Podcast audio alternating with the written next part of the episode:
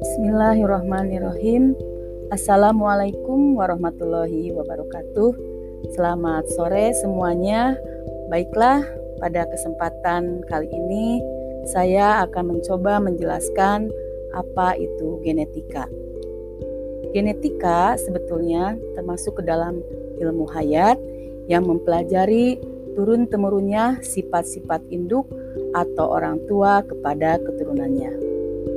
Sejak ditemukannya hukum keturunan pada permulaan abad ke-20 sampai sekarang, genetika sudah mengalami kemajuan yang pesat sekali. Bahkan, kini genetika tidak mungkin berdiri sendiri melainkan harus bekerja sama dengan ilmu pengetahuan lainnya. Di negara-negara yang telah maju dirasakan bahwa genetika sudah mencakup bidang yang terlalu luas, sehingga timbul berbagai macam cabang genetika seperti sitogenetika, genetika manusia, genetika mikroba, genetika molekuler, genetika biokimia, genetika fisiologi, genetika farmasi, genetika populasi, genetika hewan, genetika kuantitatif, genetika tumbuhan, genetika konseling, dan eugenetika.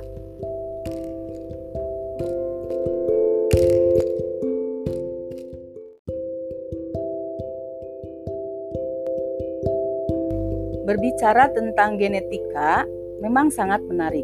Akan sangat banyak kajian yang bisa kita bicarakan.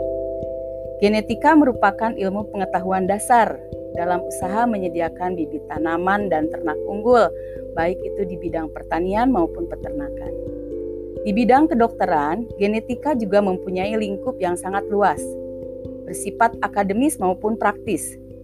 Jadi, kalau kita membahas tentang peranan genetika pada bidang kedokteran, kita bisa berbicara mulai dari tingkat kromosom, kemudian pewarisan sifat-sifat genetik, sifat-sifat antropologik, bagaimana terjadinya cacat badan dan mental, kemudian timbulnya penyakit karena kesalahan metabolisme bawaan, berbagai respon terhadap obat-obatan, kemudian proses transplantasi, penyakit autoimun dan golongan darah, serta aspek keturunan pada kanker. Di samping genetika di bidang kedokteran, bisa menyangkut berbagai aspek keluarga, antara lain diagnosis kelainan genetik pada bayi sebelum lahir, penyuluhan tentang kemungkinan resiko mendapatkan anak dengan kelainan genetik, sehingga sangat erat sebetulnya hubungannya dengan program keluarga berencana, identifikasi bayi tertukar, dan adopsi anak.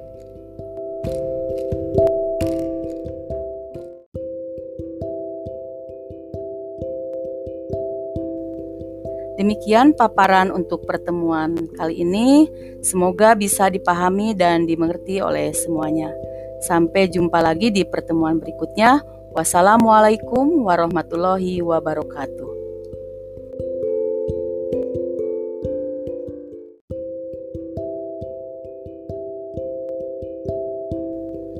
Demikian paparan untuk pertemuan kali ini.